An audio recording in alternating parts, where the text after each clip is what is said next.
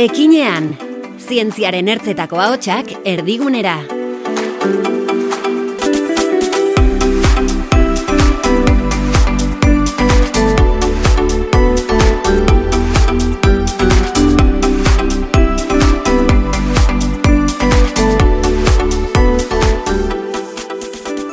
Kaixo eta ongi etorri EHU Ekinean podcastera. Elu jarreko ana galarra gai nauzue eta podcast honen helburua ezkutuan geratzen diren ikertzaileak ezagutzea da. Gaurko protagonista Alicia Kaskon Gubieda da. Biokimika ikasi ondoren atzerrian osatu zuen bere formazioa eta orain etxera itzulita EHUko mikrobiologia saian dabil ikertzen zertan eta minbiziaren aurkako tratamendu berrien bila laborategitik hitz egin du gurekin. Ongi etorri, Alicia Gaskon Gubieda.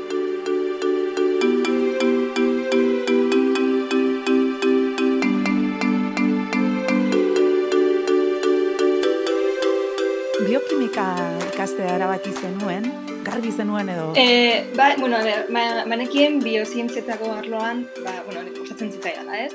E, eta gero ja, ba, biologia eta biokimikaen ba, bueno, aukera hori izan zen, batez, ez, batez ere, ba, gauza txikiak, do txikiagoak ikasi nahi nituela.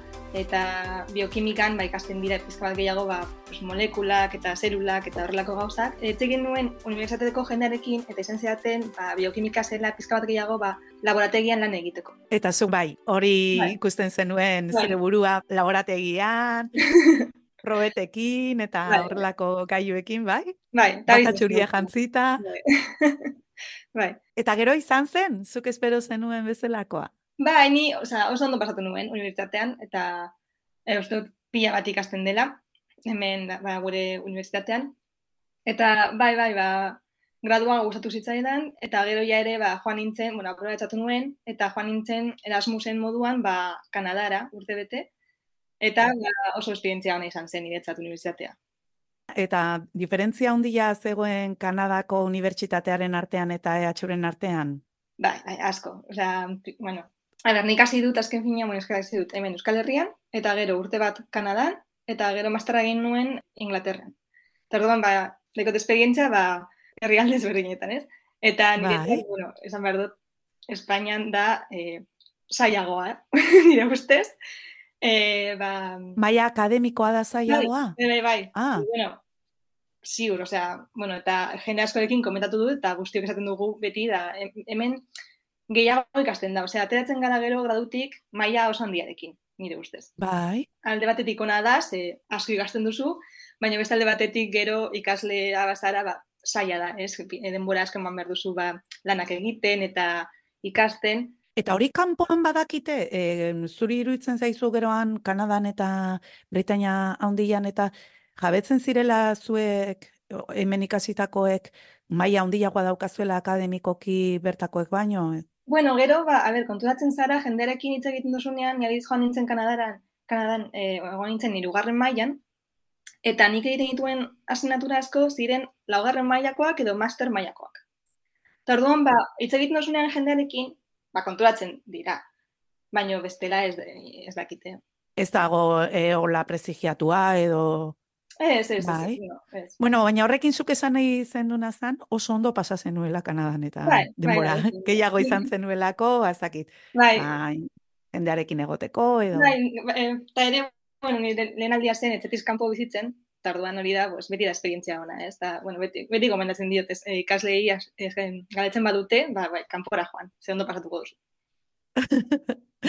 Hori izan zen orduan, bueno, zu jaso zenuena eta horrekin gelditzen zara, baina hala ere orain hemen zaude bueltan, eta hori, bueno, hemen esango dugu nun, nun zaude. Bai, nago, eh, bueno, eh, mikrobiologiako departamenduan, Euskal Herriko Unibertsitatean, Le, eh, Leioako kampusean.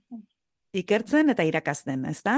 Bai, bai, bai. Eta hain esperientzia ona baldin bada kanpora joateak, zer da, tarte baterako bakarrik.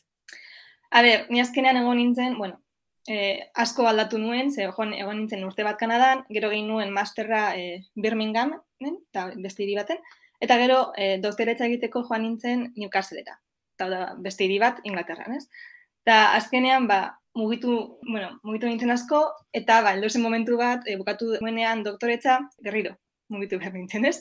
Eta, bai. bueno, a ber, beste bat, jo, beste leku batera joan, eta berriro hasi, ba, inor ezagutu garik, edo, eta, pues, azkenean ja, e, kantzatuta nengoen, eta esan nuen, ez. Bai, ze, azkenean, zu doktoretza egiten dezunean, e, pentsatzen dezure inguruan dagoen jendeak ere, aldegin egiten du edo mugitu egiten da, ez da, bai. hori gertatzen da, bai, bai eta bai, egin dituzun inguruak. Bai mugikortasuna da pizka bat, ba, derrigorrezkoa, eta azkenean, ba, zu mugitu bazara, zue lagunak mugitzen dira, eta ba, heldu nintzen momentu batera, non, e, pues, ja, e, estabilizitatu nahi nintzen, eta bintzat, ba, lagunak esaldatu e, hainbat, eta, bueno, horrelako gauzak, ez? Eta, ja, pues, aurkatu nuen, az, e, bueno, pandemia ere, gertatzen ari zen, e, Hori da, hori ere. Hori zen beste faktore bat, e, izango zen oso zaila bilatzea beste toki bat, ba, bizitzeko eta beste lan bat aurkitzea momentu horretan ba, oso izango zen, eta esan nuen, bale, ba, etzera bolotuko naiz, eta hor ja, e,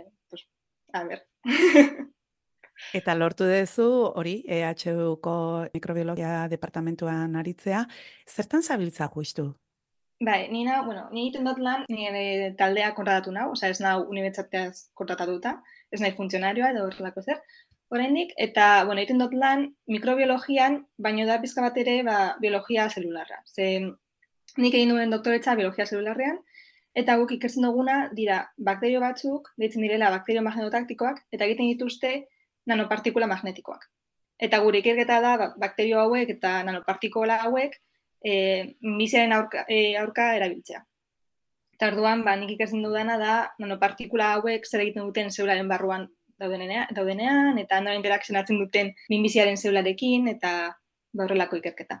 Eta minbizi zelula guztietarako balio dute, o berariaz e, minbizi jakin batzuekin hobeto funtzionatzen dute, igual oraindik ez zarete iritsi. Oraindik, hori, hori ikertzen ari gara, oraindik ez dakigu ez horiek zeintzuk diren, baina bai, ikertzen ditugu, e, bueno, tumore solidoak. Ze, zuteko zuz, bai. tumore solidoak eta, eta gero ba, odolaren tumoreak, ez? Eta batez ere interesgarriak dira, ba, bueno, adibidez, eh, oso, bueno, gure gorputzaren oso barruan dauden tumorentzat, ez? Ze eh, partikulak magnetikoak direnez, zuk kanpo magnetiko aplikatu aldozu eh, gorputzaren kanpotik, eta hori efektua izan du oso barruan, eta orduan, ba, eh, adibidez, asalean badago, ba, ez da interesgarria, baino eh, puruñan badago, edo kolonean izan da interesgarria, hori, tratatzeko. Iker gaia bera, pentsatzen dut oso erakargarria dela, hor aurrera penak egiteak ekartzen dulako onura handia.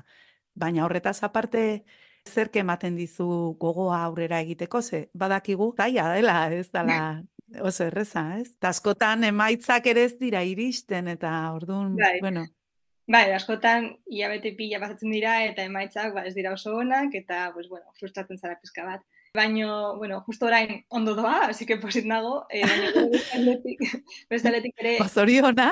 Bai, eskerrik asko. Taldean, eh, jendea pues, nahiko ona da eta gero lan giro ona dago, eta orduan ba hori asko laguntzen du ere.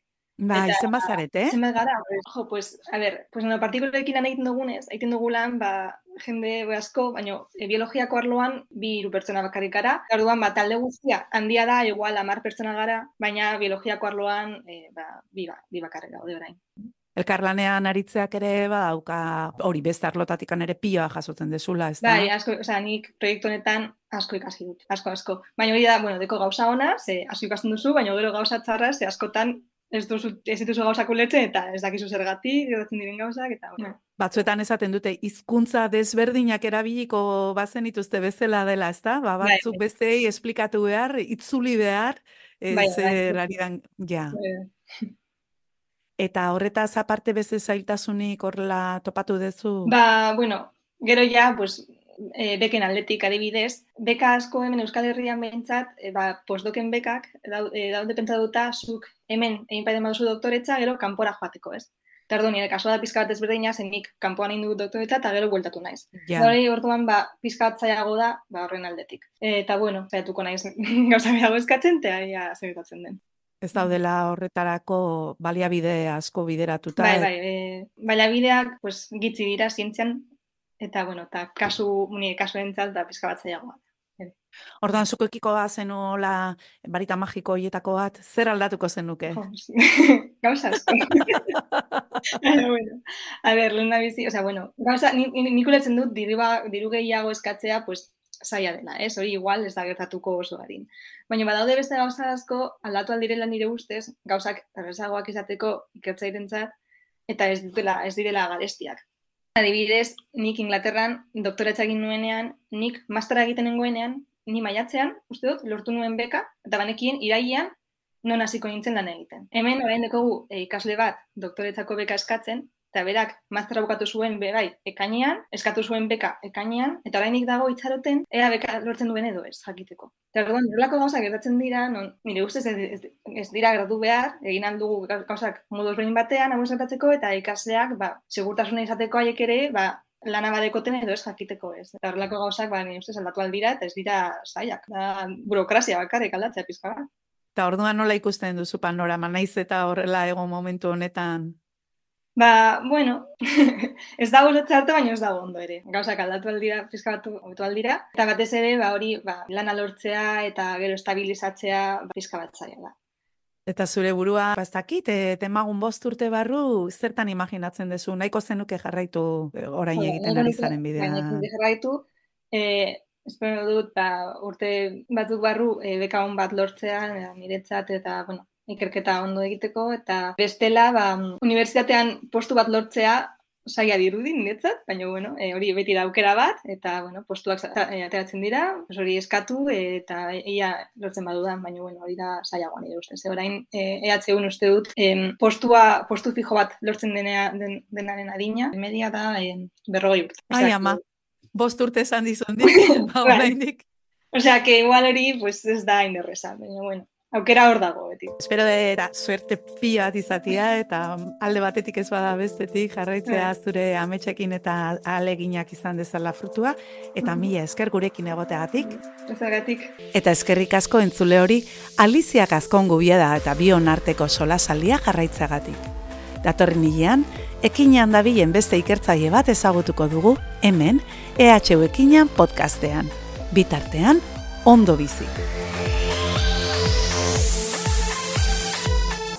Ekinean, Euskal Herriko Unibertsitatearen ikerkuntza gizartean zabaltzeko zuzendaritzak, zientzia eta gizarte garapenaren eta transferentziaren arloko errektore ordetza eta eluiarrek ekoitzitako podcasta.